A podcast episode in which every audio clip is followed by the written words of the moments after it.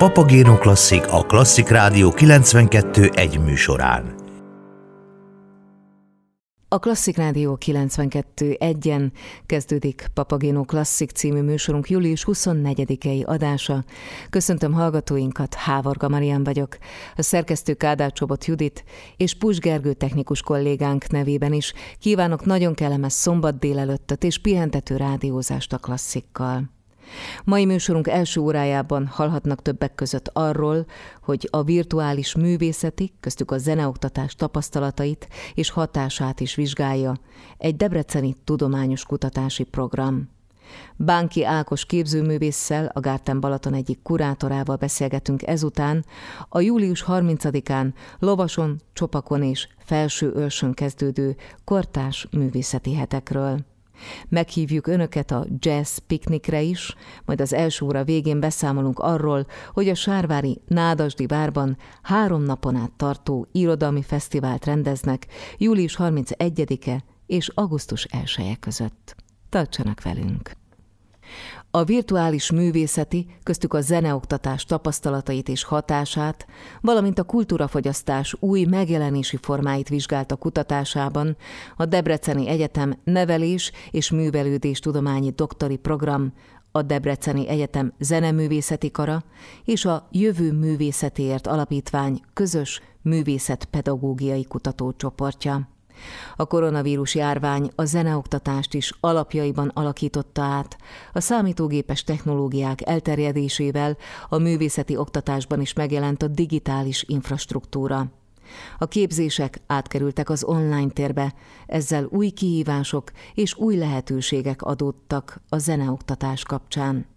A tavaly ősszel indult kutatás célja az volt, hogy feltérképezze a kreatív ötleteket, a tanulók aktivitását segítő tanári motivációs stratégiákat, és hogy az értékes online segédanyagokat hogyan lehet adaptálni egy korszerű művészetoktatási rendszerbe. A művészet pedagógiai kutatócsoport novemberben kezdte vizsgálni az alap, közép és felsőfokú művészetoktatási intézményekben tanító zenetanárok, hangszeres, és magánének, valamint szolfés és zeneelmélet tanárok, korrepetítorok, zenekar és kórusvezetők online művészeti oktatáshoz fűződő tapasztalatait és a távoktatás hatását. Az adatgyűjtés márciusig tartott, majd június végéig összegezték az eredményeket.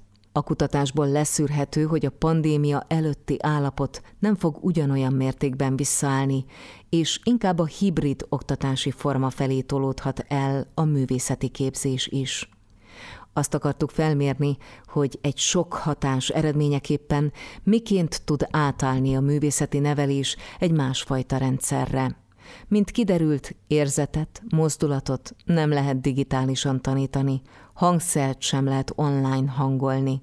A digitális eszközök beépültek a mindennapi munkába, segítették az oktatást, bebizonyosodott ugyanakkor, hogy a megfelelő technikai feltételek hiánya, az olykor instabil internet elérés miatt az online történő élő zenélés sem működőképes, az előre felvett zenei gyakorlatok viszont annál inkább hatékonyak.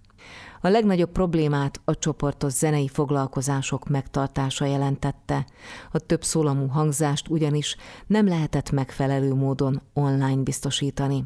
A közösségi élmény így egyáltalán nem jelent meg a digitális művészeti oktatásban, hangsúlyozta Váradi Judit kutatásvezető, a zeneművészeti kar docense. Hozzátette, Pozitív eredmény, hogy az iskolákban minimális lemorzsolódást tapasztaltunk, ami nagyban köszönhető a zenepedagógusoknak is. Sok zenetanár számolt be arról, hogy a gyerekek nagyon igényelték a mindennapi beszélgetést, így az elszigeteltség, a bizonytalanság, a frusztráció, a félelem kezelése is szükségessé vált. A zenepedagógus ebben is nagyon fontos szerepet játszott. A tanárokból, oktatókból, művészekből álló 18 fős kutatócsoport online kérdőívek segítségével készítette a felmérést, összesen több mint 350 hazai és külföldi intézményvezetővel, zenepedagógussal. A kapott válaszok alapján vonták le a szakmai következtetéseket a zeneoktatás tekintetében. A kutatásról nyolc szakmai írást tartalmazó tanulmánykötet is készült, az online tér megjelenése a zeneművészeti oktatásban és a hangverseny látogatásban címmel, amelyben a legfontosabb eredmények és témák kerültek. A tervek szerint a tapasztalatokat a jövőben az online oktatás gyakorlatában alkalmazhatják majd. Keves hallgatóink Gárten Balaton néven harmadik alkalommal rendeznek kortás művészeti heteket három észak-balatoni községben, Lovason, Felsőösön és Csopakon július 30-a és augusztus 21-e között. A Papagéno klasszik folytatásában Bánki Ákos képzőművésszel, a Gárten Balaton egyik alapítójával és kurátorával beszélgetünk.